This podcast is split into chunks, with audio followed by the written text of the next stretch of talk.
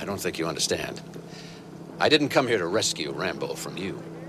I came here to rescue you from him.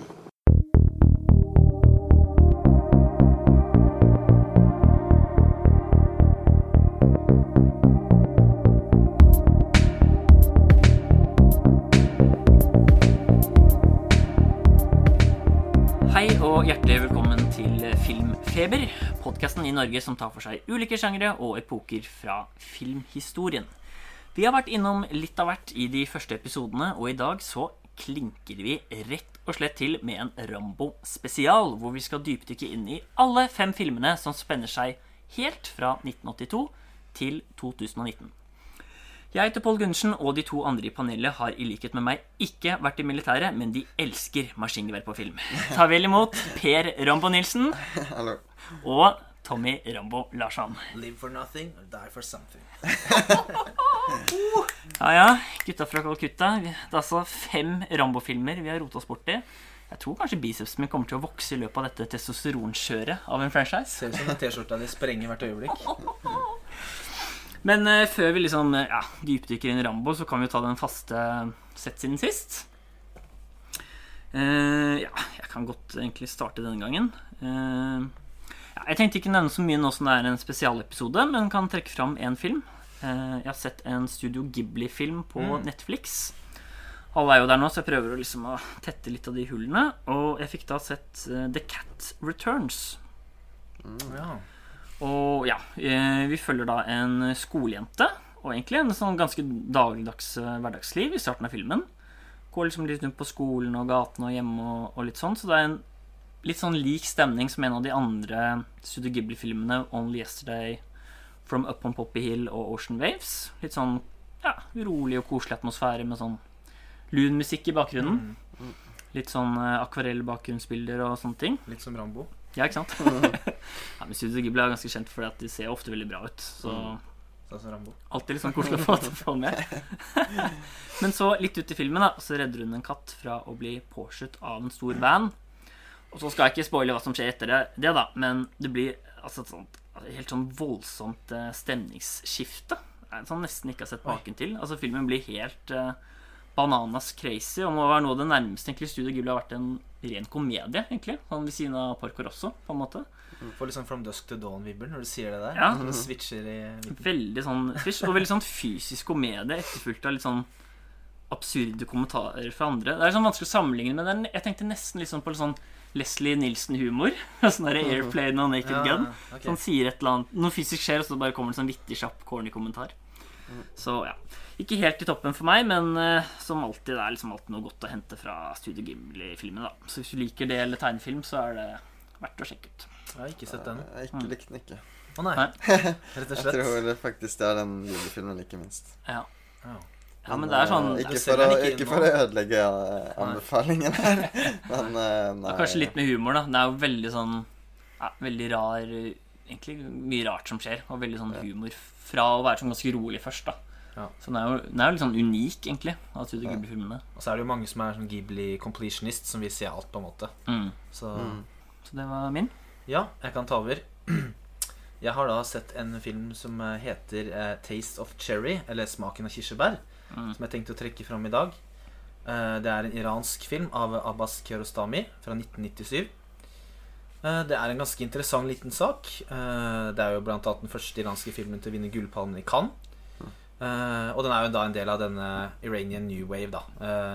Eller minimalist film også, som det movementet blir kalt. Det er en nesten litt sånn fabelaktig historie eh, om en litt sånn mystisk mann som kjører rundt i Teheran og har forskjellige samtaler med folk. Eh, nesten hele filmen er han i bilen. Og jeg tror nesten jeg skal være så vag som det, men eh, man kan jo si at eh, selvmord er et sentralt tema.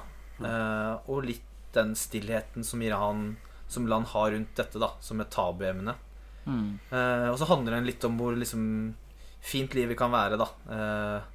Og om døden. Det er veldig sentralt. Eh, full av masse longtakes av sånne sanddyner som er veldig fine å se på. Og veldig sånn hypnotiserende samtalescener i disse bilene. Uh, ja.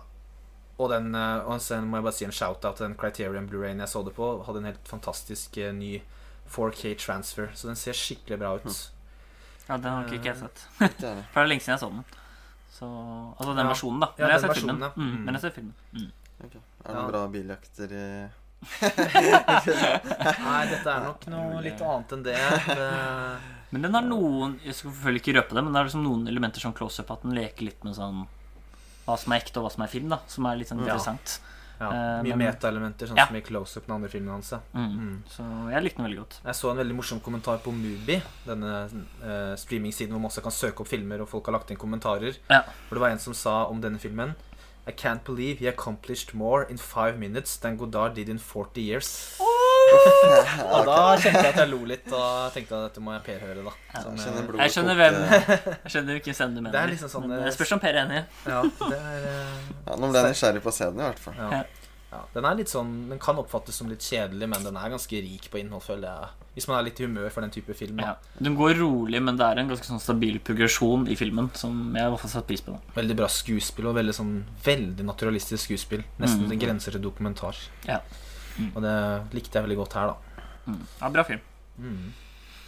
Så da er Hva det med, Per. hva med deg, Ja. Per? Jeg har vært litt grådig, da, tydeligvis, siden Oi. jeg har to filmer jeg skulle nevne.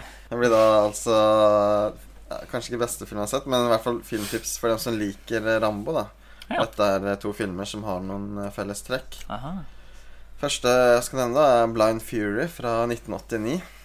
Mm. Med Rutger Hauer, som da har en del eh, actionfilmer på 80-90-tallet, men kanskje er mest kjent for eh, Blade Runner. Ja. Det handler da om en, eh, en kar som er i Vietnamkrigen, da. Oi. Og starter med en ganske voldelig actionsekvens eh, hvor han eh, blir skadet og forlatt av sine med, medkrigere, eller hva jeg skal kalle det. Hmm. Soldater eller Ja, soldater, jeg vet ikke, jeg så, men så blir han reddet av eh, sivile og tatt vare på av dem, da. Hmm. Så det viser seg at han ble blind av den, denne eksplosjonen vi så i åpningen. Så den trener opp til å lære ja, noe kung fu-aktig, samurai-aktig eh, Ja. ja, eh, slåssing. litt tullete ut, ja. Og så velger han å returnere til eh, USA etter ti år eller noe, da, for å bli sånn vigilante, blind samurai. Var det Japan han var i starten, eller var det Nei, Vietnam. Mm, eh, Vietnam var det, ja. sorry. Vietnam, sorry. Sorry. Mm. Ja, Ja. så det er det. Okay. Det er utgangspunktet. Ja. Ganske moro. Litt, kanskje litt sånn forvirra film. Den er både. Både ekstremt voldelig, med avkutting av armer og ditt og datt, samtidig som den er en ganske barnefilm. Oi. For han har en sånn barnekompanjong som han følger gjennom filmen. Som sånn har liksom, ja. Ja. Temple of Doom-opplegg. Ja, minner litt om eh, Over the Top med Stallone. Ja. Bare litt forvirra, litt voldeligere. Spennende. Eller jeg vet ikke, men kanskje, kanskje spennende. Ja, og Den andre filmen jeg skal nevne, er eh, Uncommon eh, Whaler fra 1983. Av eh, regissøren eh, Ted eh, Kotcheff, Ja. som også har laget eh, Rambo vi kommer tilbake til. da Mm. Det første, ja. Og Wake in eh, Fright, som vi også Mm. har nevnt i en tidligere episode. Mm. Ja. Mm, ja, Denne kom da i 83, altså året etter den første Rambo-filmen. Og på mange måter så minner den om Rambo 2, da uten at jeg skal gå for mye inn på det. Foregriper. Men eh, ja, dette handler igjen om Det starter igjen med folk i Vietnamkrigen. Og noen som igjen blir etterlatt. og, men eh, Og så er det klipper til USA igjen, hvor uh, Gene Hackman, faktisk dette er en ganske stor film, da. Med en del kjente skuespillere. Eh, Patrick Swayze er også med. Mm. ja, men Gene Hackman er da ønsker å redde sin sønn, som var en av disse som ble forlatt. Og da samler han militærgruppen som eh, var med sønnen på 70-tallet, da. Og de skal liksom eh, Litt som Rambo, bare et lag, da. Mm. Mm. Så det er en gjeng som returnerer til Vietnam for å redde forlatte fanger, da. Du har klart å finne en bra tema her, da, det må jeg si. Ja, litt tilfeldig, faktisk, men uh, Ja, det tror jeg ikke på. Det må Nei, du si. Jeg tror, det, jeg tror det er Nå må du vel si at du er han som bringer eh, B-film-trash til bordet her òg. Mm. Gjennom eh, disse episodene vi har hatt. Det er det er stempelet Ja, men den her var ganske god, da. Ja. Ikke på nivå med Rambo, kanskje, men ikke så langt unna. Oi, ok. Nei. Spennende. Yes. Nice. Men uh, da kan vi egentlig bare starte med å snakke om Rambo.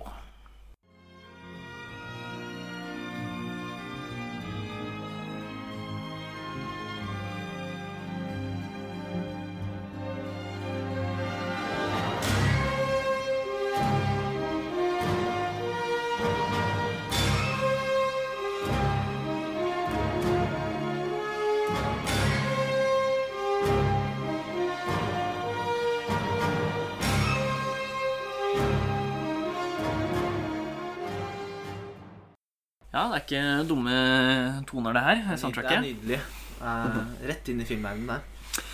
Uh, vi kan jo kanskje først bare starte med sånn om vi har noe forhold til Rambo fra før av, kanskje? Mm. Jeg vet ikke. Per, kanskje vi starter? Ja, Rambo-veteranen. dette er filmer jeg har likt i lang tid. Oppdaget i tidlig tenårene og setter ikke noe mindre pris på det nå, i hvert fall. Har du sett de flere ganger? Ja, ganske mange ganger. Ja, okay. eh, spesielt nummer to og tre den gang. Jeg hadde jo eh, ikke sett Jeg hadde liksom sett deler av første filmen på TV Norge for 10-15 år siden og sett noen klipp fra noen senere filmer og sånn. Men det var først litt tidligere i år i vår da hvor jeg eh, bestemte meg for å se alle fem.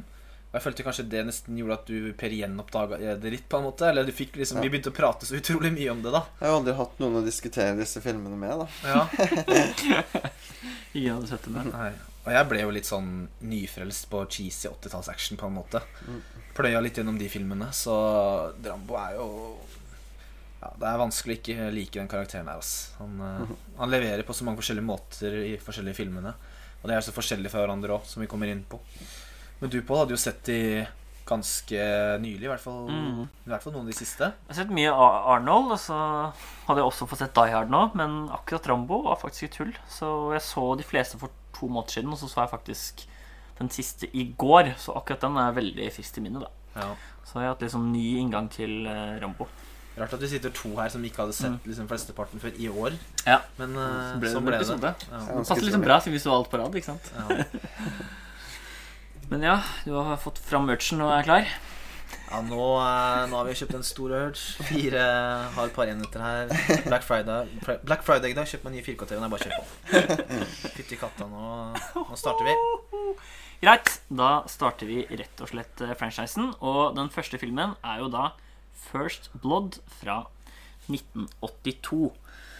Eh, og ja, mi- mitt førsteinntrykk Jeg kommer litt sånn der, eh, hva skal man si, nakent og baby's first step inn i dette her. Og for meg så var jo den egentlig litt sånn overraskende seriøs. For som jeg nevnte, jeg hadde jo sett en del eh, Arnold fra 80-tallet og tenkte litt sånn Rambo. Ja, det er jo sånn 80-talls eh, cheese. Men uh, nei, egentlig litt sånn seriøs innfallsvinkel for min del, da. Ja, helt enig. Jeg ble veldig overraska over hvor Jeg hadde ikke fått med meg faktisk at den var At han handler så mye om på en måte en, av traumer og en soldat som kommer tilbake og på en måte prøver å finne tilbake til røttene sine i USA. Og ganske seriøs innfallsvinkel, ja.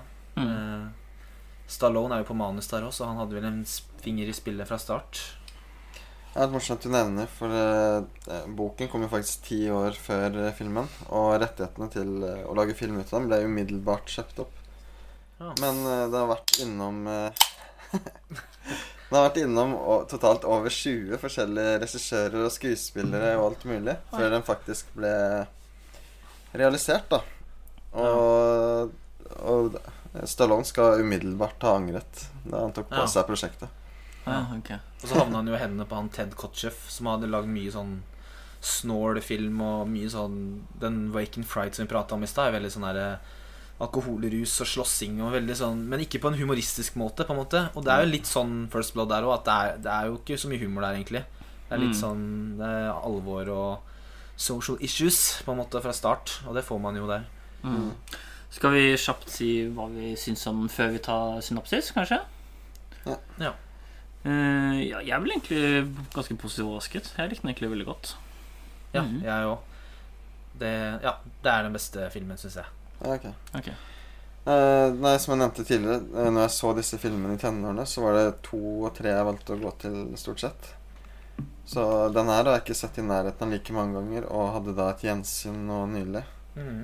Og jeg ble også positivt overrasket. Så jeg huska den som den litt uh, tørre, kjedelige Ja. Det kan jo på sett og Regulering i vis, eh, 13-årsalderen med Kan på sett og vis uh, kalles det, men jeg, den er faktisk veldig spennende. Og den, selv denne har jo nok av actionscener. Mm, ja, den har det. Ja, filmen starter jo med da John Rambo, vår hovedrolle. Han er en Vietnam-veteran, eh, og han går jo rundt i Hope, Washington, tror jeg det er. Eh, og han skal jo da besøke en eh, tidligere medsoldat. Og så får han vite i åpningsscenen at han har dødd av kreft. Mm. Og så blir han veldig lei seg. Og så er det egentlig at han begynner å vandre rundt litt sånn håpløst i byen. Mm. Før han da støter på en sheriff, og det begynner å utvikle seg litt problemer derfra. Mm. Så Det er jo på en måte utgangspunktet for filmen. da Det er litt morsomt eh, når han møter eh, moren til denne medsoldaten. eh, Så leser han opp eh, laget sitt hele teamet han hadde i militæret, og bronsen nevnes. Jeg vet ikke om det er en referanse, men Ja, det eh, er kult. Ja, det er et av navnene i hvert fall på lista. Ja.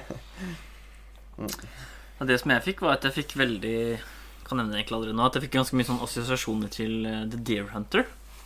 Altså Ikke bare det at han på en Mm. måte kom hjem fra Vietnamkrigen, Godt poeng. men også at det er alt dette her med disse små eh, fabrikkbyene med sånn veldig lik natur, fjell og skog rundt. Og eh, også, også egentlig spesielt sånn kameraestetikken. Ikke nødvendigvis sånn føringer og sånn, men sånn hvordan liksom Mm. bildet ser ut med selve sånn teksturen og kornigheten på en måte er ganske lik.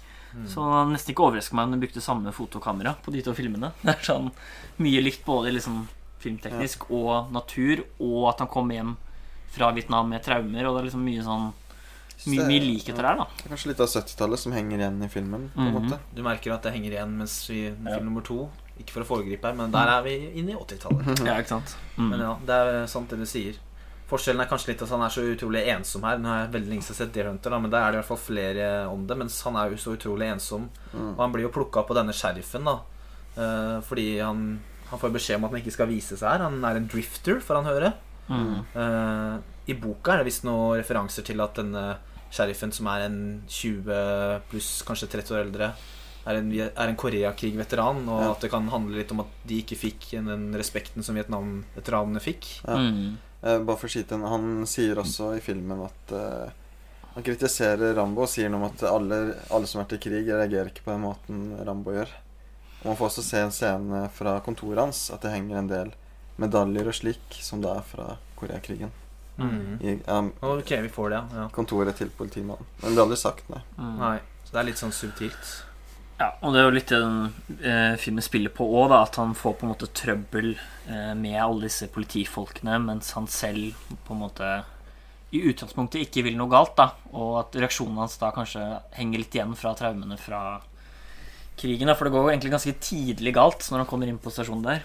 Ja, for han blir jo arrestert, når han, fordi han nekter jo å Han snur jo og går tilbake i byen. Ja. Så blir han arrestert og dratt inn i Og da får han ganske tidlig gjennomgå overraskende voldsom politivold der. Mm. ja. særlig én kar Ja. som holder han skikkelig hardt med en sånn uh, pinne. Og da er det jo klippes det jo rett inn i torturscener i Vietnam. Ja. Mm. Noen av de mer sånn, i hvert fall de, av de tre første filmene da, som hører til 80-tallet, mer sånn Ja, hva skal jeg si ikke, Litt mer voldelig. Ja, den er ikke så karikert som Vietnam-scenen vi får senere, da. mm. Veldig sånn holder han fast, skjærer han i ansiktet med kniv og Mm. Og da flipper han jo greit ut inn i politistasjonen der. Veldig frekk bart han har i flashbacksa, forresten. han Sant, hengebart. det er første gang jeg har sett Første kanskje siste gang jeg har sett Stallone med hengebart. Mm. Har til og med en ung eh, Horatio fra CSI i den der eh, fengselscenen. Ja, stemmer det. i Altså, ung 19-åring der, liksom. Han som er med i Miami Han er senere. den eneste sympatiske politimannen eh, Ja. i filmen. Ja. Mm. Som ikke virker sånn eh, ødelagt av systemet, eller hva skal jeg si. Og litt eh, delvis han hovedpolitimannen, kanskje, og han Teasel. Han er litt sånn ganske grå og vil si god karakter. Han er jo på en måte Mm. en god karakter som er godt liksom eh, Ja. Ikke at han er en god person, men uh, interessant karakter, da. Mm.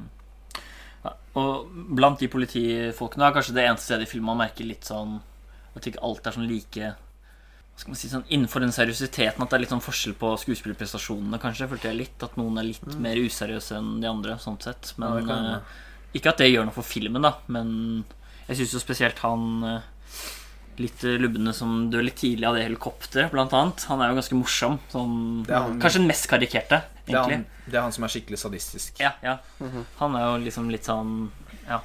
Han er vel da den eneste karakteren som uh, dør eh, Forresten, Så, ja. spoiler alert. Dette det har vi kanskje ikke sagt, men det blir jo spoiler. ja vi kommer til å nevne alt som skjer. Det blir ikke noe Må ikke spørre på krutt her. Det er vel noe av det første som skjer når Rambo da For han tar jo en motorsykkel, og så kjører han stjeler motorsykkel og kjører ut av gårde etter å ha blitt torturert i fengselet. Som man, jo, man må jo kalle det tortur.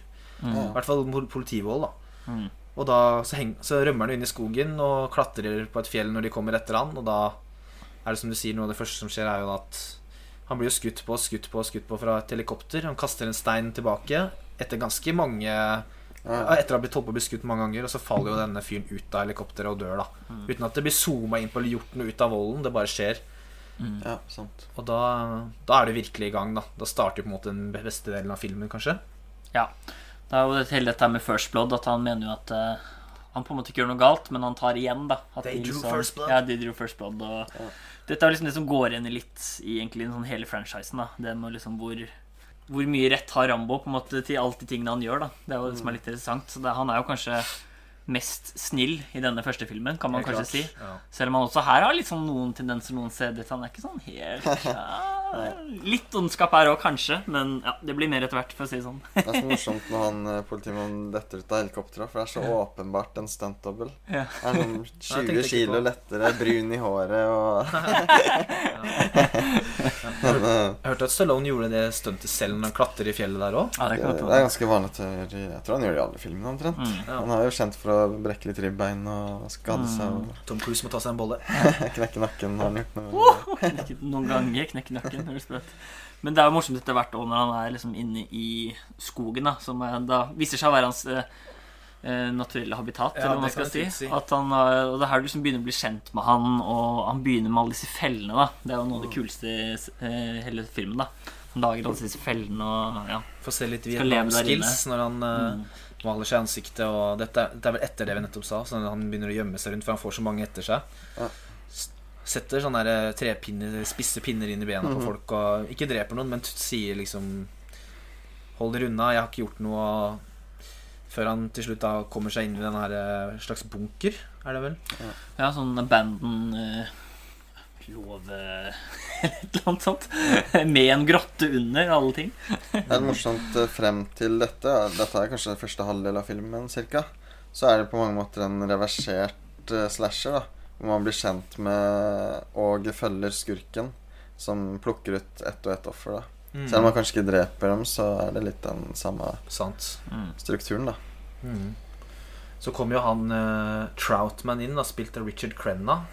Med i tre filmer. Som er den eh, tidligere offiseren og militærsjefen til Rambo. Ja, liksom sjefen hans. Ja. Mm. Og han prøver jo på en måte stå, stå midt imellom da, og få Rambo til å slutte, samtidig som han er helt klart på Rambo sin side oppi det hele. Han er virkelig stolt, på en måte. Ja, hvor ja. lett han tar så mange politimenn. Ja, ja. Og det er kanskje det lille snevet av humor i filmen òg, når han snakker mot han politimannen og bare 'Du burde ikke gjøre dette her', og han blir så, så sint, liksom, han politimannen. Han skulle liksom vise at eh, ja, 'jeg er flink', jeg kanskje har en liten jobb, men jeg er veldig god politimann, vi skal ta han. Og bygge liksom litt på sånn stereotypien rundt sånne småpolitifolk da, i sånne små stater. Det er litt morsomt. Ja, han, sier, han slemme politimannen sier at han skal sende inn 200 mann for å stoppe Mm. Og da si- svarer han militære sjefen at uh, han håper han har tilsvarende like mange bodybags. Ja.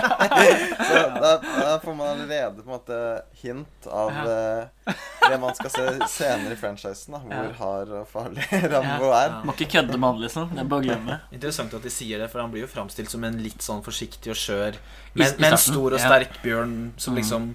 Har muligheten for å gjøre det, men ikke helst vil gjøre det. Mens Mm. i de siste fire filmene så er det jo bare full guffe, da. Ja, ja. De gu- Så- guff, guffer seg på. så de Han hauser han opp, da. Ja, Han, han sier det. at han ikke kjenner smerte, og Mm. at han var den beste krigeren de hadde i Vietnam. Ja. Og sånn, da. Mm. Mer enn noe annet så er det på en måte det der ensomheten og håpløsheten til Rambo som veteran som liksom er hovedgreia som går igjen, på en måte.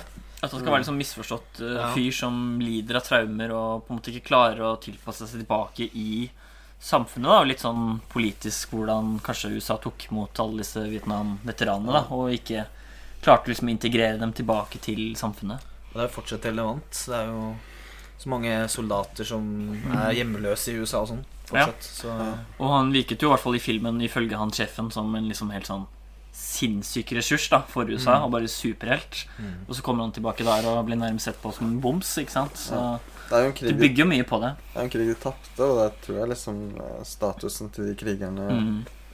er veldig lav. Det er den grunn. At de er liksom tapere, rett og slett. Ja, ikke sant? Uønska. jeg føler det som understreker den håpløsheten best eh, i det Rambo føler. På en måte mer enn Stallone som skuespiller, så er det da Jerry Goldsmiths musikk, ja. Mm. Spor som Homecoming og My Town der, det er rett og slett noe Nesten vil jeg si noe av det vakreste jeg har hørt.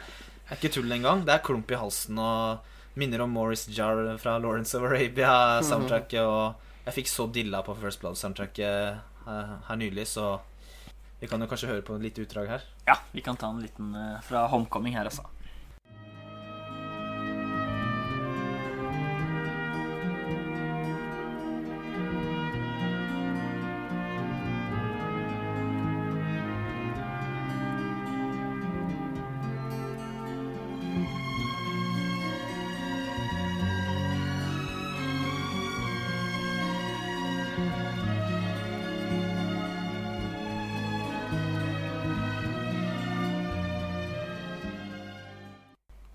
Feil med den uh, gitaren og de strykerne der, for å si det sånn. Vakkert. Nydelig, nydelig. Er litt uh, Ghibli-takter? Ja, det minner jo litt om det. Jeg syns det minner om Ghibli, faktisk. Kanskje Miyazaki satt og gråt under Rambo på 80-tallet. Fascinerende. Det var nok den største inspirasjonen, det der, for det Mononoke og hele kjøret der. Nei, det det, ja. Ja, er mot jo slutten av filmen, så Ja, kan gå mot den. vi kan Mhm. kanskje gå mot slutten. Ja. Det blir jo litt sånn halvveis krig, eh, krigsstemning, da. Det er noen bygninger som brenner mot slutten der. Det blir sånn eh, mer, nesten mer uptempo på slutten. Sånn, Mm, nå skal ja. bygge opp mot en sånn finale. Løper rundt med maskingevær der og eh, plaffer løs i mørket. Jeg kjenner likevel at det er den delen jeg kanskje husker minst akkurat nå i farta. eh, Bortsett fra når han breaker down på slutten, da. Mm. Ja. Ja, Det er jo kanskje det mest seriøse i hele franchisen, kanskje. Hvordan prøver å liksom virkelig vise følelsene hans. da Hvor liksom han har slitt, og alle han har mistet, og liksom alt kommer ut da på slutten. Tydelig gråting, og til og med liksom drar han der Troutman inntil seg for å gi en klem, på en måte. Mm. Det passer ikke til det Rambo vi ser senere. Nei. Her har jeg en liten sånn fun fact. da At uh, det finnes en versjon som man faktisk kan se eh, VHS uh, rip-av på YouTube. Hvor uh, En annen slutt, rett og slett. Hvor Rambo drar han Troutman mot seg. Tar tak i pistolen og skyter seg selv. da Oi. Og i boken så dør også Rambo. Såpass, ja. I slutten her, da. Ok. Det var ikke, var ikke planlagt å fortsette. Nei, det var Stallone som endret på dette. Jeg hørte at det var en sånn fem timers cut av filmen først, eller noe. Og Stallone virkelig ikke likte det. Og Ja. det var den siste versjonen som vi har nå, som han Han har tydeligvis litt uh, å si på produksjonen bak. da Selv om han var på, bare på manus, så hadde han litt innflytelse på hvordan det endte opp med å bli. Mm. Ja. Ville jo brenne det og Ja, det har litt på akkurat det. At første utgave av filmen er på over tre og en halv time. Tre og en halv, ja. Ok. Da er det enda mer Deer Hunter. Og det fins intervju med Stallone. Han sier at han spøy da han så den første gang. og som du nevnte, så ønsket han å brenne den for at den aldri skulle bli vist uh, offentlig. Ja, det er Takk sånne Gud for at han tok feil der. Det sa jo Woody Allen om Manhattan nå, så det er ikke alltid det er rett. Eh, Isteden så ble han da kuttet veldig, og nesten all dialogen til Stallone ble fjerna. Ah, ok, så han hadde mange flere liners som Veldig han mye. ikke Det er til og med eget sånn subplott hvor eh, han er i Vietnam og på sånn bordell og noen sexscener og masse greier. Ja, ok, Så mye ekstra. Ene Nei, jeg skal ikke si det. Den ene klisjeen, eh, Etter den andre. 80-tallsklisjeen eh, denne filmen mangler, er jo nakenhet. Ja, det kan du godt si. Og det er kuttet bort, da. Ja.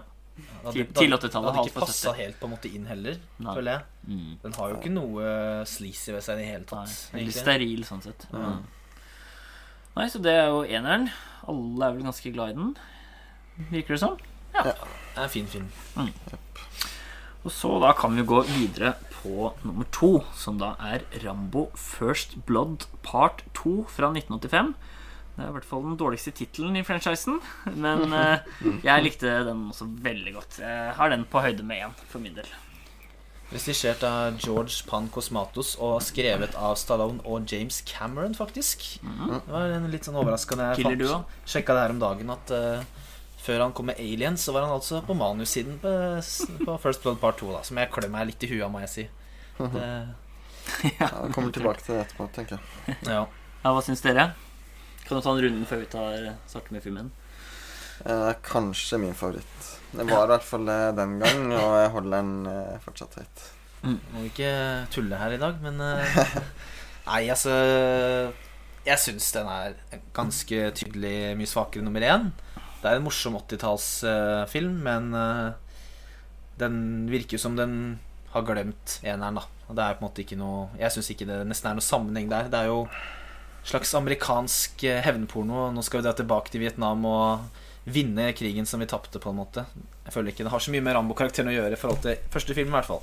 Men isolert sett veldig morsom eh, Morsom 80-talls cheesy film med masse morsomme scener og folk som blir skutt med pil og bue og eksplosjoner og masse Ja, den er jo helt klart eh, moro. Og den setter jo stilen videre for de neste filmene også. Ja. For meg er det egentlig litt sånn mellom fra én til neste. Fordi jeg syns egentlig den starter litt mer sånn seriøst fra starten. Hvordan han liksom bygger ganske rolig opp, sånn rolig tempo første 20 minuttene. Veldig mye brifing og Det tar egentlig en stund. Jeg tror det er Jeg sjekket. Ja. Jeg lurer på om det er sånn 35 minutter eller noe sånt før første actionsekvens. Ja. Og det er jo først de siste ti minuttene det kommer tilbake senere, da, hvor det tar helt av. Så den har liksom litt sånn Det er liksom mellomfilm, da, mot liksom de tre siste hvor det på en måte bare er full uh, baluba. på en måte. Og plottmessig så fortsetter han jo der han slapp. Eh, Mm. Rambo starter jo Eller er i fengsel i starten. da Og det siste man ser i den første, er at han blir arrestert. Mm. Ikke drept. Han blir jo Ja, det er vel Murd... Nei, det er, ja, det er vel han eh, tidligere sjefen hans som Ja. kommer for å hente han ut eh, fra fengselet og forteller Mm. han at det er noen sånne amerikanske POWs, eller Prisoners of War, da, i Vietnam, som fortsatt er der etter at krigen er over.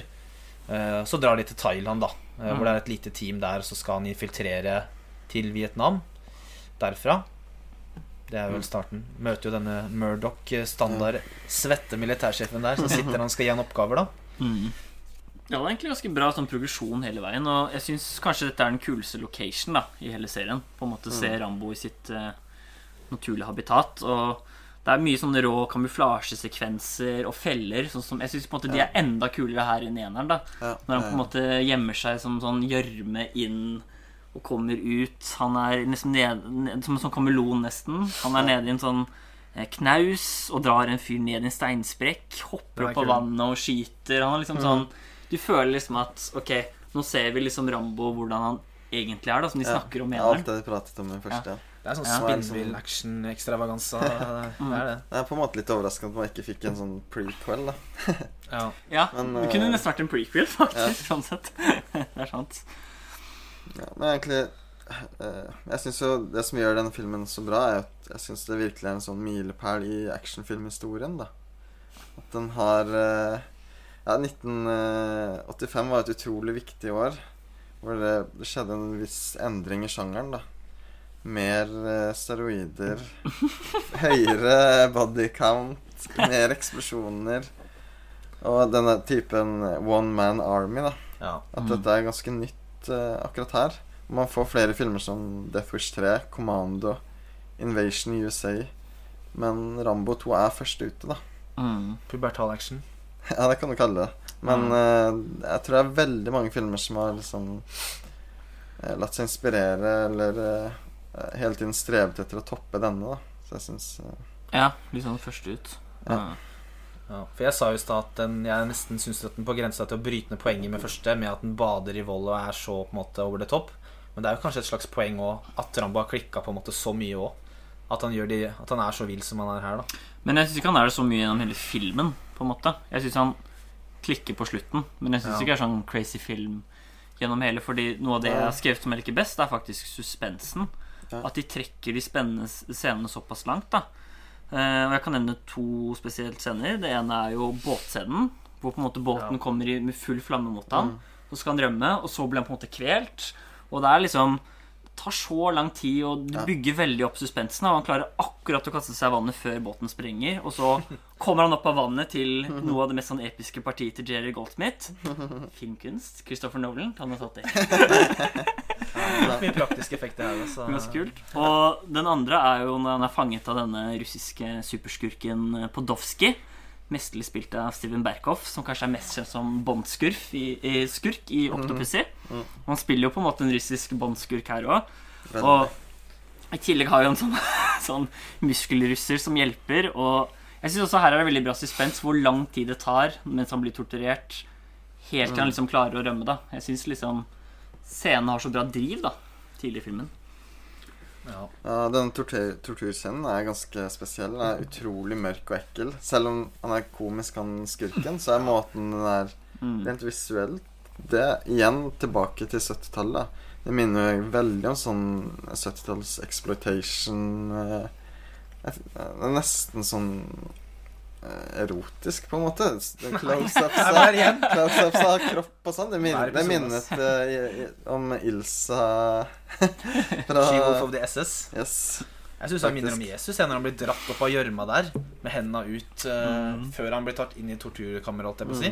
Så husker når han er nedi gjørma der. Ja, ja. Men jeg må jo si at jeg ler av når dere ramser opp her eksplosjoner, hopper til sida, russer, eh, bad guy Altså, hallo. Mm. Det er på en måte Jeg er helt enig at den er ikke nærheten av seriøsiteten til eneren. Det har den ikke. Men eh, jeg, jeg tror jeg bare liker så godt drivet og Ja, også. Ja. Også når han liksom løper rundt der sånn eh, nesten sånn derre Hva skal man si, sånn derre Metal Gear Solid eh, Sånn derre Sniker seg rundt for å redde disse folkene i mørket og skyter en og en. Og det liksom Det er, Du bygger opp bra, da. det er pur 80-tallsmoro, og du skal ikke kimse av det.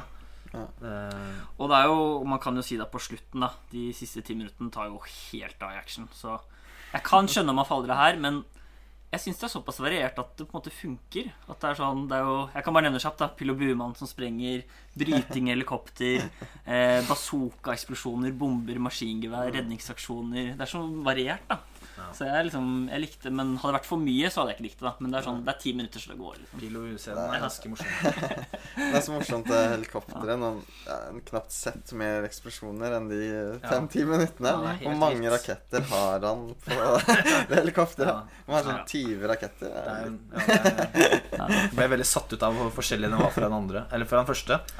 Den, liksom, den, den første var 'Å, dette var seriøst'. Og nummer to overgår på en måte actionforventningene som jeg hadde i Mm. utgangspunktet. da Ja. Så eh, jeg må bare Ja. komme med en liten fun fact på slutten. Eh, Den, jeg syns jo den ser veldig bra ut, så jeg gikk og sjekka Mm. hvem som var fotograf på filmen. Og det var en gammel ringrev som, het, ringrev som heter Jack Cardiff. Og når jeg gikk inn på INDB-profilen hans Ja, han har uh, filma filmer som The Red Shoes på 40-tallet. Eh, og jobba, veldig mye med Powell og Pressburger. Black Narcissus mm. og disse filmene der. Så han eh, lagde denne filmen, eh, en av de siste filmene før han slutta. Så det, det er jo ganske morsomt, da. Så, Ja. Men her er det jo kanskje der du mest, merker mest det der at han eh, ikke er så snill da, som på en måte Stallone ønsker at han skal være. Da. Han Ja. tar jo veldig av og blir ganske sånn brutal på slutten. Ja. For gjennom filmen er det mye sånn han skal redde folk og være snill, men så tar det jo helt av på mm, siste. Det er også et poeng igjen det er, Nå går jeg tilbake til første filmen, da, men at Mm. eh, Nå har jeg aldri lest boken, men jeg har hørt at uh, Rambo er mye mindre sympatisk der, egentlig. Og at han Ja, mens i filmen bare dreper én, så, så skal han visst uh, være veldig hevngjerrig og drepe utrolig mange første, på også veldig brutalt vis, da. ja. Så han skal være mye mer gæren enn man kanskje får se. Ja. Så, så er filmskaperen nesten litt sin skyld at de to på en måte har litt sånn Brist, Ja, kanskje. kanskje. Litt sånn brist mellom forholdet Ja. mellom i film 1 og 2. Ja. Ja. Så kan jeg si en liten fun fact fra den. Uh, Arnolds kanskje mest kjente one-liner etter I'll Be Back fra Terminator er jo Get to the Shapa i Predator. Og Rambo 2, som kom to år tidligere, så roper Rambo 'Get on the chopper, get on the chopper' flere ganger. Så det er en mulighet at Arnold-gutten kanskje blir inspirert her. Hvem vet? Det er utrolig mange one-liners, tenker jeg. Jeg må bare også nevne før vi går videre hvor Da klarte jeg heller ikke å le av på en måte hvor eh, komisk det blir. da Som du- Du har også nevnt flere ganger, Per. Denne scenen hvor eh, Ko, denne kvinnelige soldaten som han treffer der inne, som vi ikke har nevnt, men som er jo ganske mye med i filmen Ja. eh, Det er jo en scene hvor de til slutt kysser, og sekundene etterpå så blir hun da revet ut av maskingevær, maskingevær som treffer henne. da Og det blir, går jo på en måte ikke an. Det blir jo så over the top. Det blir over top, men det gir jo også på en måte en narrativ grunn da, til at den skal klikke, siden det er kjærligheten hans. Selv om det ikke er så bra, jeg vet at det ikke er så bra spilt, men det gir han jo i hvert fall litt motivasjon, da, som vi sikkert kommer tilbake til at eh, det er ikke alle i de tjenestefilmene hvor han har like bra motivasjon til å bli Mm. så gæren, da. Nei. Så det kommer vi sikkert tilbake til. det er morsomt at filmen har to skurker. da En amerikansk og en russisk. Mm. Ja, han er jo litt morsom, han amerikaneren Murdoch. Han som sender Rambo ut for å hente disse folka. For vi får jo vite senere at det aldri var noe plan å hente de, og It was for political reasons, er det vel han sier. Og når- Ramba er fanga og han får mikrofonen og mulighet for å snakke med, så er det jo han han sier han skal Ja, ta. han bare Mer enn russerne. sånn. Ja, Det er morsomt, ass. Uh, så. Ja, det finnes utrolig mange rip-offs av denne filmen. da Og det, En som er litt morsom å trekke frem, er 'Missing in Action'. Jeg vet ikke om dere har sett den? Nei. Eh, Spydd ut av Cannon Films. da Ja, Og de fikk da tak i dette James Cameron-manuset som de nevnte tidligere. mm. Men i frykt for å bli saksøkt for å være for lik, så klarte de å fremskyve premieren og slippe den ut to måneder før Oi. denne Rambo 2, da. Og dette er da med han godeste Chuck Norris. Oi, oi. Elendig i forhold, men uh, det er morsomt at en rip-off kommer ut før Ja, det er spesielt. Man kan jo også si at uh, han Kosmato som regisserte denne, har jo også Cobra fra 1986, også med Stallone. Som er- eh, ja, liker den kanskje bitte litt mer enn denne. Oi. Eh, nei, vet du hva, glem det. Jeg gjør ikke ja, men den er veldig, den er veldig kul. Da. Den er ganske morsom. Eh, Stallone med solbriller og tannpirker, skinnjakke, som eh, går, rett, bra ja. går rett inn i hostelsituasjoner sånn og bare rydder rommet, for å si det sånn. Det er, Ja, litt sånn drive-vibber over Ja. karakteren. da. ja. ja, så Mm. Mye trivia. Mm. Men det var Er det noen siste ord på toeren? Nei, jeg tror det var greit, jeg. Ferdig? Da kan vi gå videre til Rambo 3 fra 1988. Det var jo på den tiden faktisk verdens dyreste film, med et budsjett på rundt 60 millioner amerikanske dollar. Og av ganske mange regnet som den dårligste og litt sånn eh, kalkunen i serien, med ganske horribel score. 36% på Metacritic og 39% på Rotten Tomatoes. Så den Ja, eh, får ofte kjørt seg. Men eh, jeg syns ikke den var så dårlig som folk skal til. da Eh, Den er svakere enn toeren for meg, men en sånn helt grei actionfilm for min del. da Så ja, sånn sett ble jeg kanskje positivt overrasket, da for jeg hadde jo ganske lave forventninger med så dårlig kritikk. Mm. Hva med dere? Uh, ja, som sagt, det, det var en av mine favoritter da jeg først oppdaget Rambo. Og så har jeg på en måte etter hvert som er eldre innsett at det er litt sånn eh, Rambo blir kommersiell, da. Mm. Og har mistet mer og mer sansen for den.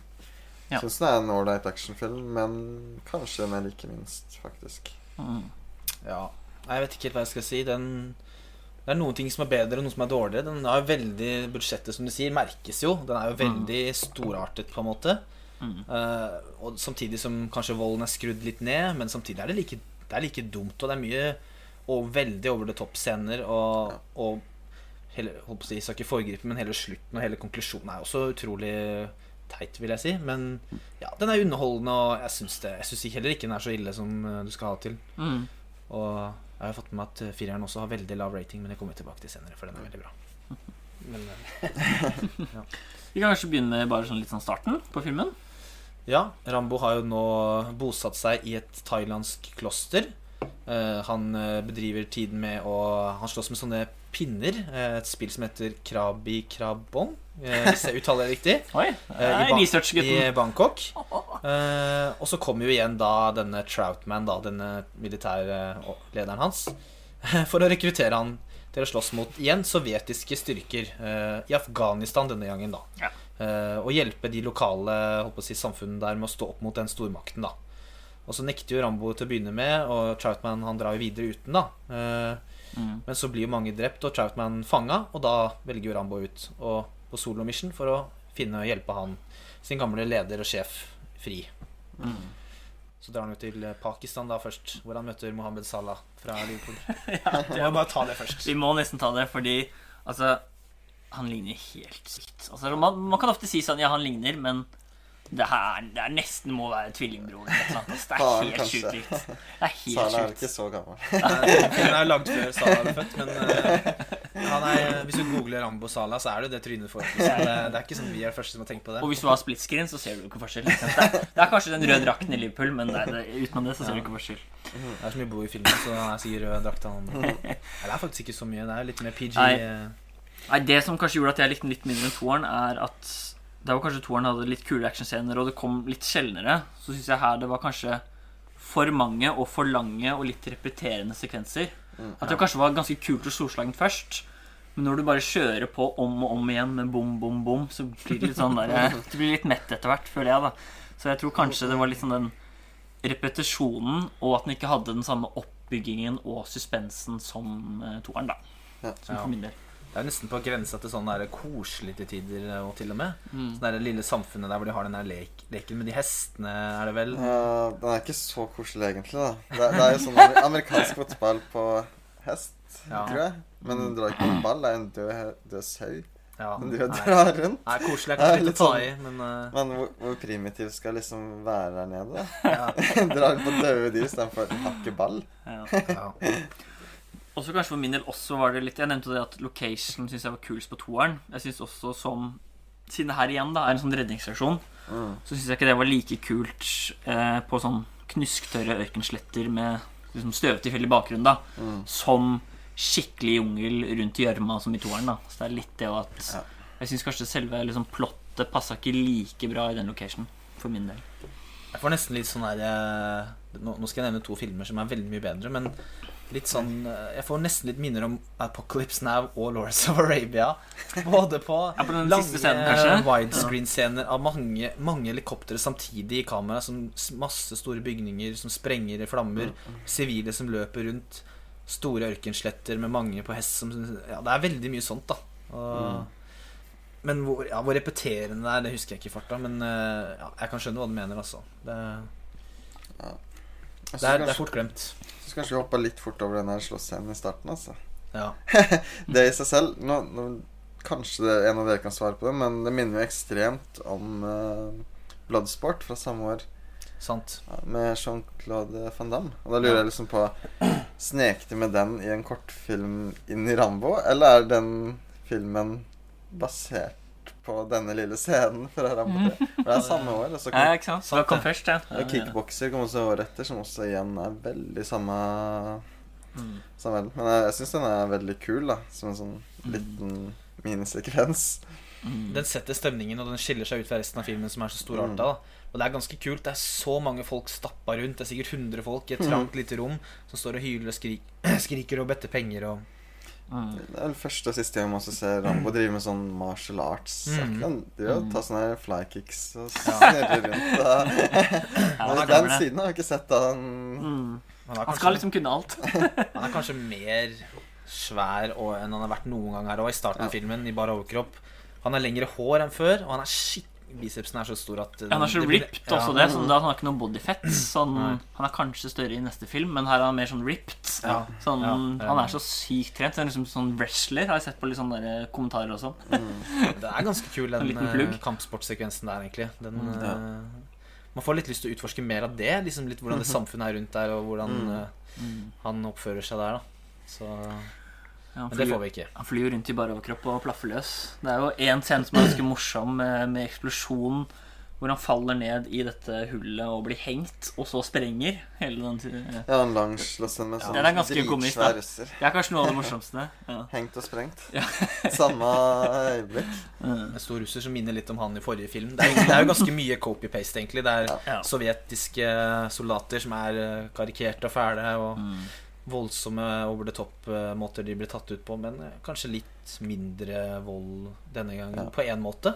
Det er én veldig grafisk scene som jeg føler er ganske ikonisk i hele franchisen. Det er den hvor Rambo skal rense et eh, sår han har.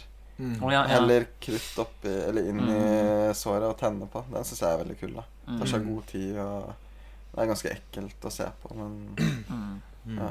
Men det er en ganske sånn interessant reise, egentlig, hele den trilogien. Hvordan det på en måte bare blir mer og mer action, da, på en måte han har presset inn. Det er jo nesten en krigsfilm, egentlig, nummer tre, Ja. vil jeg si. På en måte. Så det blir jo mer og mer. Uh, og da, ja jeg vet Har vi noe mer om uh, treeren da på tampen? Uh, En annen ting som jeg har hørt å nevne. Ja. Når eh, helikopteret og et helikopter og en tanks skjører eller Sant. flir mot hverandre i full guffe. Sånn duell. sånn To okser som skal stange. Ja. ja, eh, Rambo i tanksen som eh, naturligvis vinner. Men eh, utrolig teit, egentlig. Må heller ikke glemme Goldsmith, som kjører med spor som I'll Stay. Militært, svulstig og episk. Og ja, vanskelig ikke like i riktig setting. Og det er jo også litt politisk, for det siste i hele filmen er jo at det står uh, 'To the gallant people of Afghanistan'. Som på en måte filmen er dedikert til, da. Eh, så det er litt interessant, da. At eh, det ville vært veldig Det ville vært veldig uvanlig å skrive nå, kanskje, men eh, Mm. før 9-11 så er helt klart Sovjet og liksom russerne som er the bad guys. Så, Ja, det er sånn. så det er litt Så vi er tydeligvis en politisk stemme der som kom fram. Usikker på hvem som bestemte det, men Mm. Mm. egentlig ikke så mye mer å si om trærne, egentlig. Det er litt sånn Litt mellom, mellomfilm. Faller litt mellom Ikke så mye innhold der, egentlig. Nei. Nei, det er også en barn, han har en sånn barnekarakter som jeg alltid har vært frustrerende, syns jeg. Ah, ja. Han driver og Ja. passer på Husker jeg Mm. ikke engang. Nei, for, Fortrengt. Ja, fortrengt. Ja. Du vil ikke se Rambo dra på i krig sammen med en guttunge. Jo, når du sier det. jeg husker Ja, det som har lyst til å være med og skyte og sånn. Jeg husker. Mm. Ja, det er bare sånn Få det bort. Ja. Strengt. Strengt. Eh. Eh, nei, da kan vi kanskje gå videre til uh, film uh, nummer fire. Og den heter jo da bare Rambo, og er fra 2008. Og det er jo da Ja, altså hele 20 år etter forrige film så bestemmer da Sylvester seg for å starte opp igjen franchisen. Ja. Takk Og- Gud for det. Og de 20 årene har han da tatt de hvite bussene ned til Auschwitz og sett Hostel og Human Centipede på repeat. For å lage en så, grot så grotesk versjon som mulig av Schindlers liste. For det er, det er vanskelig å beskrive med ord hvor drøy denne filmen her er, egentlig. Det er et enormt stemningsskifte. Ja, det kan du trygt si. De 20 trygt åra har det skjedd noe der. Stallone står nå bak i registolen, og det, man kan lure på hvorfor han insisterer på å ha det så for jævlig som det er, men eh, det gjør det jo veldig eh, Annerledes. Ja. ja. Jeg tror det igjen er politisk. Han ønsket å sette lys på en krig som Mm. ikke, man ikke hørte så mye om i media. da Det er sant. Og det han ved å vise verst mulig siden av krigen. da Mm. Jeg har også kanskje tenkt litt at det har litt med at han ønsket jo kanskje at den hele eldre trilogien skulle være ganske seriøs, men både to og tre har jo i ettertid blitt Mm. kanskje sett på som mer useriøse og enkle filmer. Så jeg har kanskje også tenkt litt at nå skal han vise dem. Altså på en måte Ingen skal le av denne filmen her. Denne skal bli blodseriøs, da. Det er kanskje det lett har tenkt. tenkt. Uh, ja. Vi kan vel først ta, kanskje ta hva vi syns han kort, før jeg tar synopsis. Ja, nei, For meg del så ble den faktisk litt for grov. Jeg klarte ikke å få på en måte den underholdningen som jeg hadde med de andre. Så ja, den er nok den jeg liker minst av de fem. da fy. mm, Dessverre. Eh, Da jeg så den i 2008, fikk jeg bakoversveis, og det får jeg fortsatt mm. kose meg enormt med denne. Det er jo ja, det er det eneste som kan utfordre toeren, tror jeg, når det kommer til favorittstempelet. Ja, jeg har jo denne og én, tror jeg, som favoritter. Og den er jo helt annerledes. Og Mm. det passer jo ikke med det jeg har sagt tidligere, måten jeg har eh, kritisert nummer to. Men her er det et alvor da, som Det er riktignok ufrivillig komisk her, men det er et alvor som gjør at jeg på en måte kjøper det litt mer. da Eh, det er mye, Jeg har mye ikke så bra ting å si om filmen nå, men jeg, bare bli, jeg ble helt slått i bakken av hvor utrolig øh, voldelig og Ja, hva skal Ja. man si? Vi kommer tilbake til det. Det virker som vi all- alle fikk egentlig den samme på en måte, reaksjonen. Men det er forskjellig hvor mye vi likte den reaksjonen. da Ja. uh, bare Rett før synopsiset kan jeg jo si at det med stemningsskiftet Jeg måtte nesten tenke på sånn Nesten David Lynch med Twin Peaks 3. Liksom hvor, hvor forskjellig den er fra de første. Tenkte jeg sånn med liksom hvor på en måte Rambo, med i hvert fall de to siste, da nærmest var sånn 80-talls action popkornfilm, til et blodseriøst mørke, som vi kommer tilbake til. Så dette her eh, ja, det blir spennende. Det starter jo i Burma. Eh, Vi får se disse protestene som foregikk der rundt 2007, hvor eh, militærmakten i landet pløyer landsbyer, dreper og voldtar. Eh, Rambo eh, bor eh, i Thailand. Han er en eh, igjen.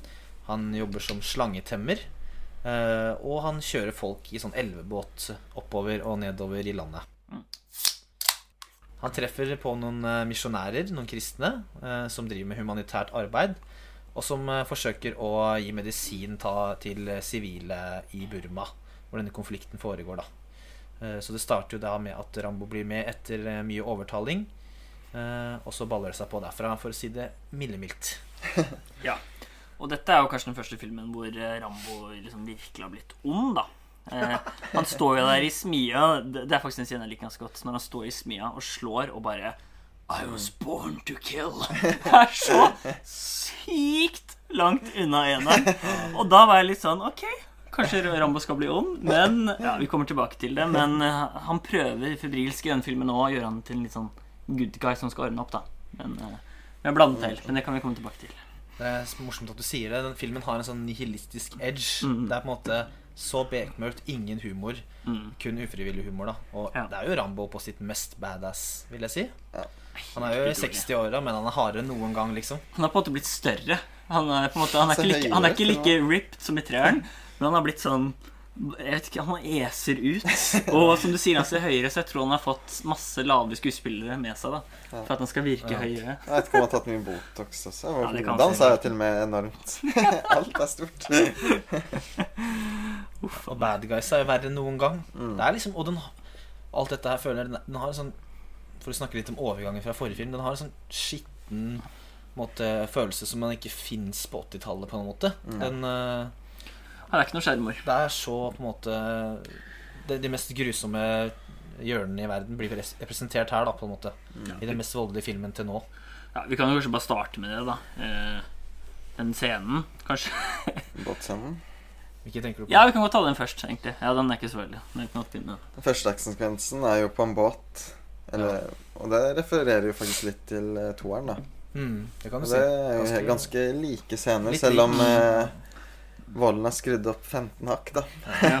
Mm. Foregår på natta, vel, er det også denne gangen. Og det kommer jo da noen pirater, er det vel, mm. som eh, prøver å spotter en dame i eh, crewet. En av disse humanitære arbeiderne, da. Ja. Mm. Som Borat Nei, Borat, sier jeg.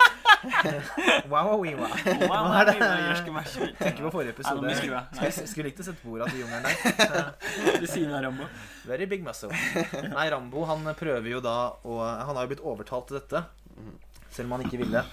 Uh, og nå falt jeg nesten litt ut. Hvor var vi? Jo, eh, det, det er jo da de pirater som prøver å Ja. spotter en dame og prøver å få henne med, rett og slett, av Som blir, ganske en fæle viktig, hensikter. ja, som blir en viktig karakter senere i filmen. da Sarah heter hun. Mm.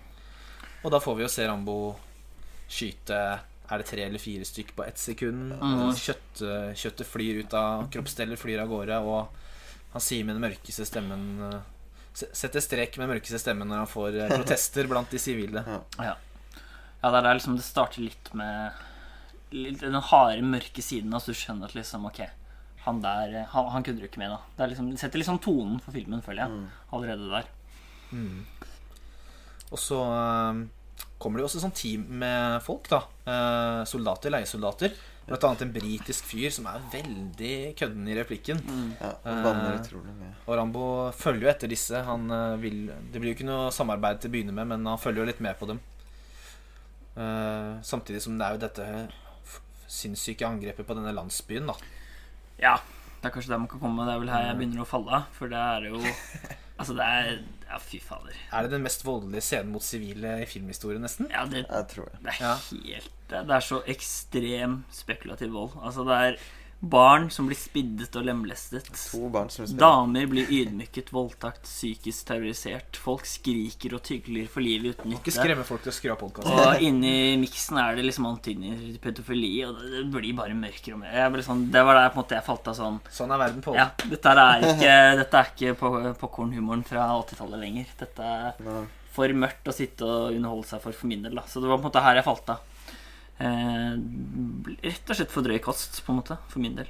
Jeg husker jo når vi så den sammen sist, så så vi også en del eh, spesial... Eller sånn ekstramateriale etter filmen. Mm. Da var det en del krigsveteraner som var utrolig rørte når de pratet om disse scenene og snakket om at det er det mest realistiske de noen gang hadde sett på film.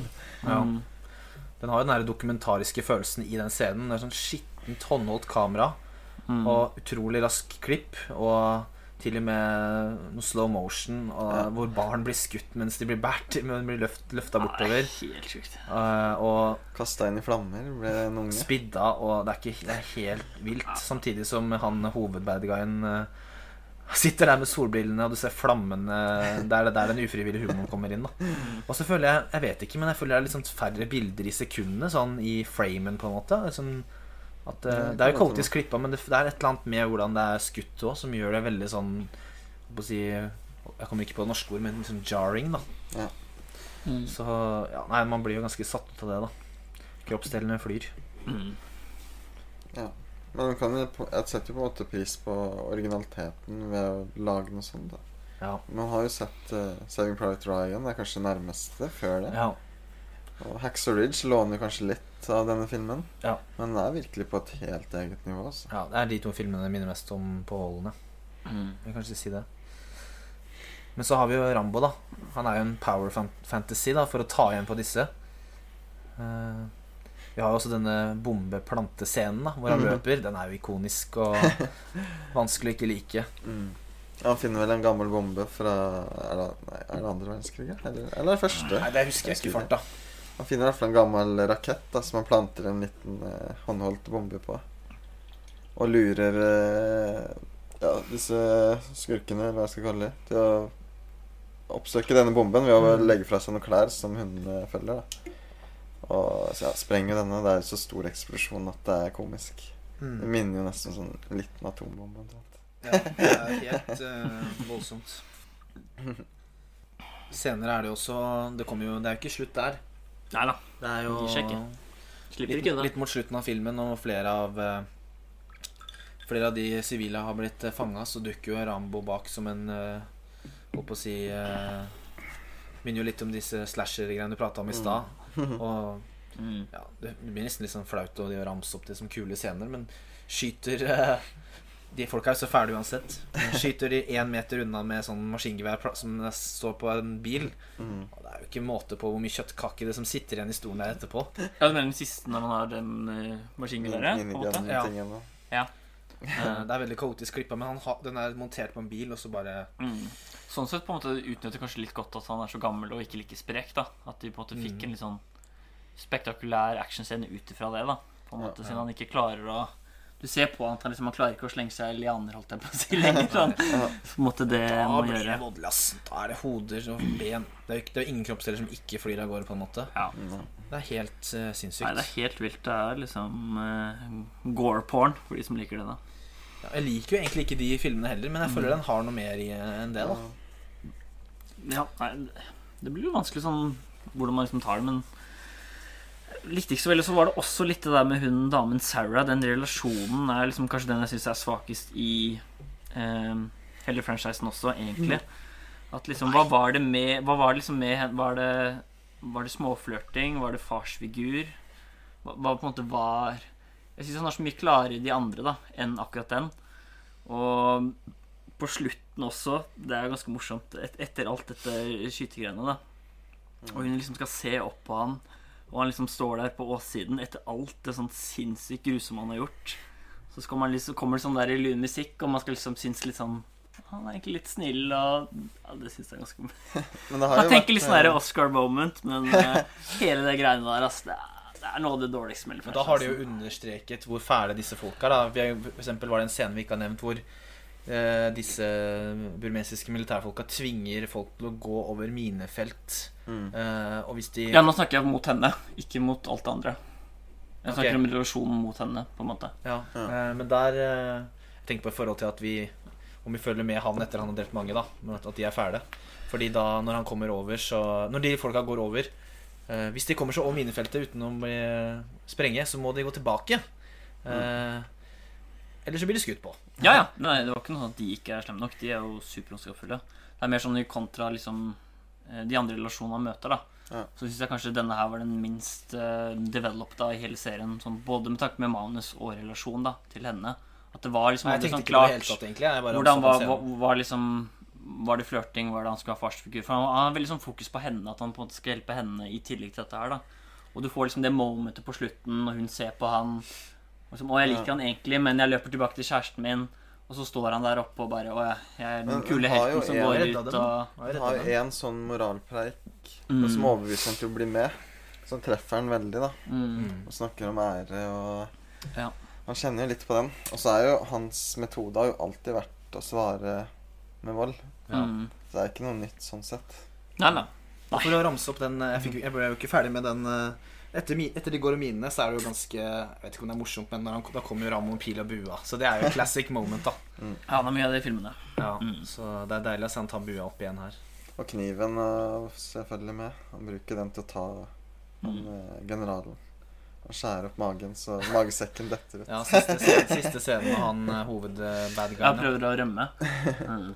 Det er ikke sånn at jeg ikke kan ramse opp negative ting her. Altså. Jeg må jo si at eh, det er er jeg tid, litt med på det òg. tidvis eh, dårlig eh, stivt skuespill fra mange av disse Mm. Spesielt Blant annet den kvinnen, syns Blant jeg. annet fra Ja. Sarah.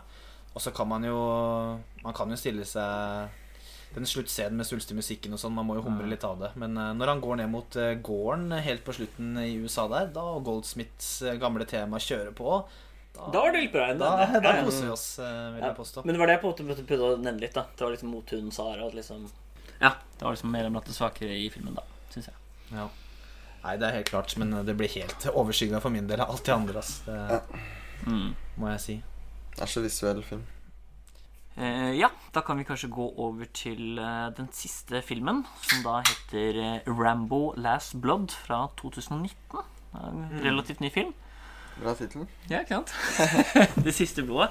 Og nå er han jo da tilbake i USA. Han har blitt ja, fryktelig gammel og er da på en slags ranch i Sør-USA. Med da Jeg vet ikke helt relasjonen til hun eldre damen, men eh, hun har i hvert fall en, et barnebarn som uh, omtaler Rambo som onkelen sin, da. Og hun skal da begynne på eh, college, men før det så har hun lyst til å dra til Mexico for å møte sin biologiske far, da, som har forlatt henne. Så Det er liksom, liksom selve premisset på filmen, da. Så hva, hva, hva syns dere om selve filmen? Jeg husker jeg så traileren og var veldig bekymra, egentlig. Den eh, ga meg utrolig lite. Men eh, man må jo stole på Stallone. Hadde tross alt manus, så ga han en sjanse. Og ja, det er et steg ned i forhold til fireren, men eh, jeg syns den er ja, mer enn godkjent. Helt klart.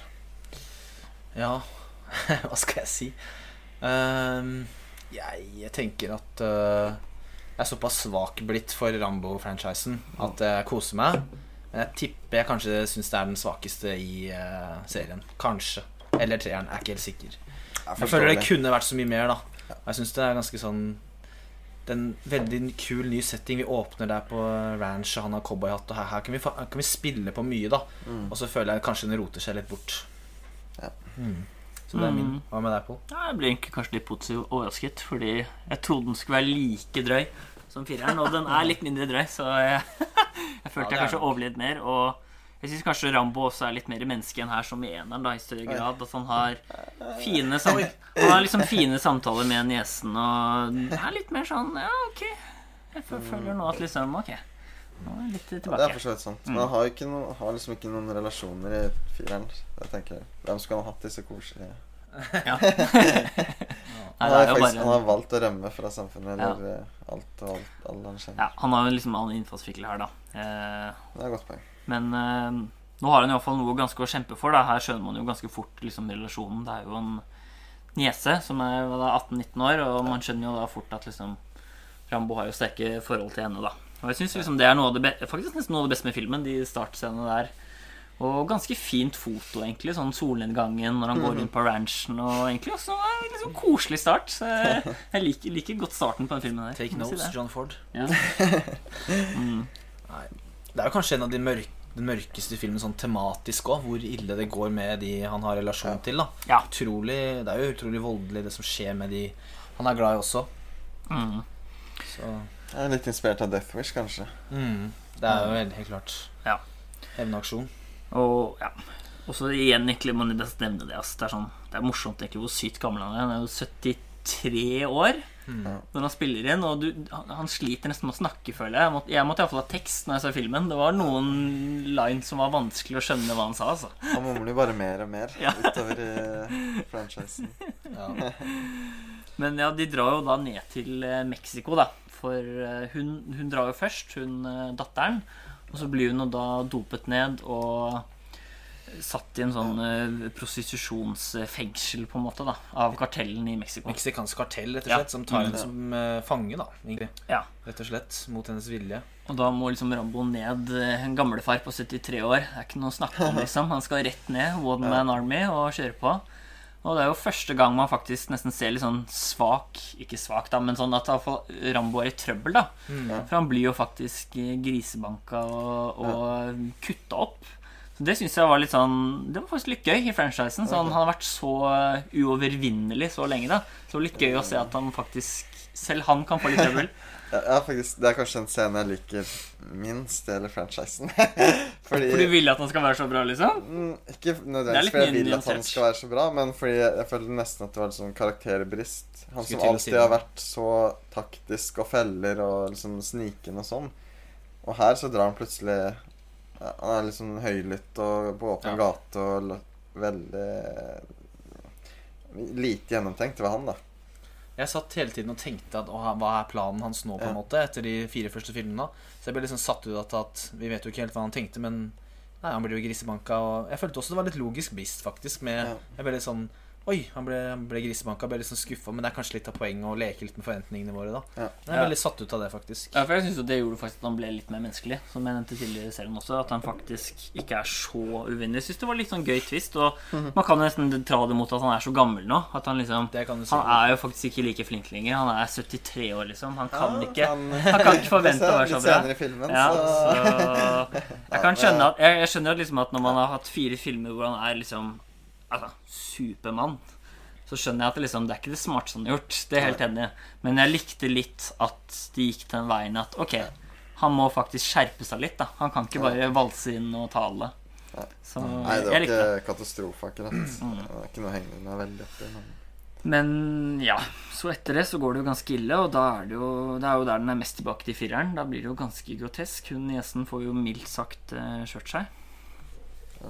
Jeg vet ikke om vi trenger å gå i detalj på det, men det ender jo i hvert fall med at eh, ja, hun dør til slutt, da.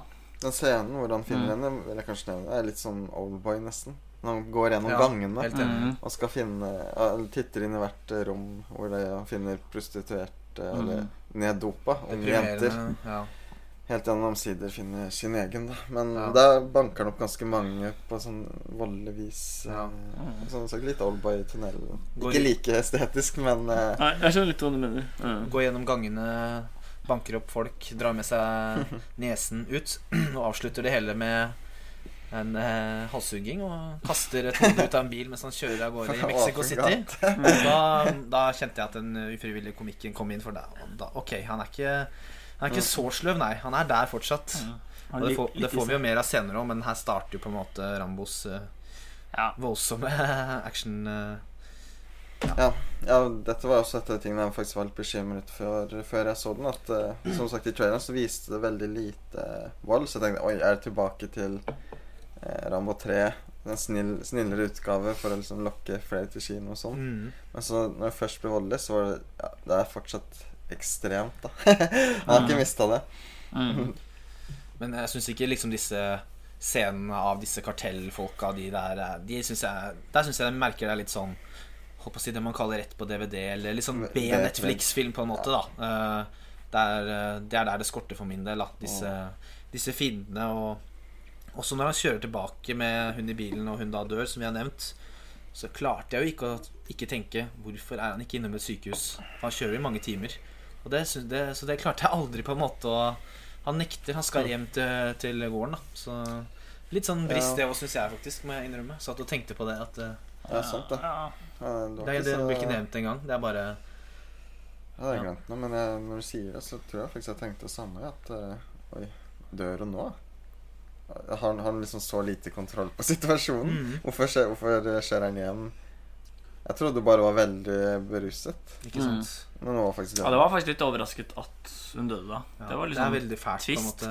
Men jeg syns jo det egentlig endte opp med å bli en styrke, for det var noe av det på en måte Det blir en bra motivasjon. Det blir en på- veldig bra motivasjon. Sånn Egentlig, så, Det nevnte jeg faktisk ikke treeren, men det er jo også ganske bra motivasjon til at han liksom skal redde han liksom sjefen sin, da, som har hjulpet Det ham så men, mye. mentoren hans, på en Ja, måte. ja. Så Ja, det er, det er nok ikke det logiske, men jeg syns at det gir et bra Ja. utgangspunkt til at han blir fryktelig hissig. Ja. er, Han har- han er så lite å være sinna over fra før. er det Etter alle disse krigene han har vært gjennom. Det er litt sånn Hva er det grusomste som kan skje med en ung, uskyldig jente som gjør at han Ja. kan knerte flest mulig på mest brutal måte? Og det får vi jo da. Ja, for da drar han jo tilbake Er han jo tilbake i USA, og da ser jo kanskje Kanskje det mest usannsynlige i hele franchisen. Altså 50 kriminelle, tungt bevæpnede kartellmeksikanere kjører rett inn i Sør-USA under Trump presidentskap uten å bli stoppa på grensa. Det tror jeg er det mest eh, usannsynlige i hele franchisen. Men når de kommer, så er det jo da rett og slett eh, Home Alone. Rambo Eller. Home Stallone, som vi Ja, kan si. Han har bygd masse tunneler under eh, bakken, som vi også ser tidligere i filmen. Her er det mildt sagt mange kreative eh, Ja. drap, da. Det er på en måte toeren bare mer grotesk, føler jeg. Sånn, Ja. Det er drøyere, på en måte. da To møter Booker. Fire. Det er spyd gjennom hodet, det er uh, kutt av eh, under føttene til en fyr nedenfra i en sånn liten luke. Rive ut hjertet, og det er ikke måte på. Så Ja, det må nesten snakke litt om siste scenen, når det er den siste skurken. Skyter fire piler, to skulder, to knær, eller noe sånt. ja. Så kommer han inn, Dønn seriøs. You took my heart, I take yours. Og så river han ut hjertet, og det står og pumper og ja, det, er, det er det mest køddete i hele franchisen. hans. Da, da måtte jeg le, faktisk. Klarer å Det le av ja, eh, det ble for køddent. Herlighet. Ja, litt mer eh, kødd enn Mm. i eh, fireren, kanskje. Selv om jeg er ikke helt sikker på om det er jo ikke med Den er jo litt som fire, at det er jo ikke ment morsomt. Nei, jeg tror begge er ment seriøst. Jeg tror egentlig alle fem er ment seriøst. det. Altså, Det er jo ikke Stallone regi på fem, riktignok. Det er jo Nei. Adrian Grunberg, eller hvordan man sier det. Men eh, han er jo på manus, så han har sikkert ganske mye Og han er jo liksom superstjernen, så han har sikkert ganske mye innvirkning på hvordan de skal Ja. gjøre det og sånn. Og det er også noe Jeg fikk litt sånne assosiasjoner til når han eh, er i smia i fireren og er så ond. Når han liksom går mot før han skal ta hjertet. Du bare ser trynet hans bare sånn Han er så sint. Det er bare sånn, det er ikke, du bare vet at han Han kommer ikke til å klare seg, han skurken. For å si det sånn. Det er ekstremt mye montasjer, egentlig. Som sånn er heter så- smi, smiging igjen. Og Ja. når han setter opp eh, disse fellene, så Ja, er det det er- veldig, det er veldig montasje. Ja. Det er litt der Kul guilty pleasure og- kommer inn da, og ikke klarer å på en måte mislike der. Mm. Jeg så jo kommentarer på nettet om at eh, The film betrays the character, og én stjerne én av ti, og det var ikke måte på, men Mm. er, er det så Hvis man sitter nå på Rambo 5 og forventer First Blood igjen og igjen, Mm. hva er det du forventer? da? Nå er det jo elleve år siden den Rambo 4, og man må jo bare innse hva det har blitt. Mm. Liksom. Man må ta det for det det er, da, tenker jeg. Det har gått en veldig spesifikk retning egentlig helt fra starten. Det har vært virkelig en, virkelig en reise, da. Eh, og så helt på slutten så må jeg si at jeg skulle faktisk ønske at han døde i stolen. Da tror jeg jeg hadde felt en tåre, faktisk. Fordi det er så De bygger så opp. Han setter seg der så sliten. Så kommer den musikken og montasje over alle seriene. Montasje over alle Ja. seriene etterpå. Så det er, ikke- det er ikke sånn. Det er jo pirk, men jeg tror faktisk hvis han hadde dødd i stolen der, så tenker jeg sånn Jeg tror jeg hadde felt en tåre. Altså. Så hele, vært gjennom hele serien, og så dør han, Last Blood. Og så ser du liksom rett til klipp fra første film. Kommer der. Ja, jeg savna det litt, Jeg altså. skjønner hva du mener, Det sånn, kunne vært litt sånn modig valg, på en måte, siden det er siste film. skjønner hva du mener, men jeg er for svak for mer. Ja, kanskje man... Last Blood Last Part Blood Part 2. Ja. Da har vi gått full sirkel. Ja, da 80 år, liksom. ja, Ja, man vet jo ikke. Hvis, hvis det kommer, da syns jeg det er greit. Ja. Men hvis dette er siste film, så skulle jeg ønske at han døde. Men er det, er, er, husker jeg feil, eller er det litt sånn halv på grensa om han på en måte dør Ja. litt sånn utover Så han- du vet ikke. Nei. ikke sant? For han er, han er veldig skada, men så sitter han sånn derre Det er min jobb som å leve for å huske de som er dødd, da. Det er liksom Sant, det han det er sier. Så den tyder jo på at han i hvert fall kanskje overlever, da. Så jeg hadde kanskje likt at han liksom tok siste brett og bare kom rett i montasjen, men det det er pirk, da. Det er ikke noe den montasjen Ja. syns jeg du kunne spart seg for, da. Det er jo mye kulere med en uh, Her syns du det? Ja Det var gøy. Det blir litt, det Se blir, hva som er godt, liksom. det blir litt sånn meta på en måte å klippe inn andre filmer, syns jeg, da. Det er jo litt sånn B-film. Ja, så jeg syns heller eh, Nei, jeg likte det. Jeg syns det var sånn, koselig. eh, Ja, koselig. Ja. Burde heller hatt en litt sånn Malik-shot hvor han rir ned i solnedgangen der. Og får en liten voiceover istedenfor masse klipp fra Det er jo koselig med de bildene, men det er litt sånn Filmatisk syns jeg ikke det er så spennende bilde, da. Det er kanskje ikke filmatisk, men for meg var det litt mer sånn der jeg har vært, Kanskje fordi jeg så alle på rad, da. Så var det, sånn, det var en skikkelig reise. Og Hvis han da liksom hadde dødd statistisk skritt inn, og så bare ah, Så koselig, så ser du alt han har gjort, på en måte. Så det sånn mm.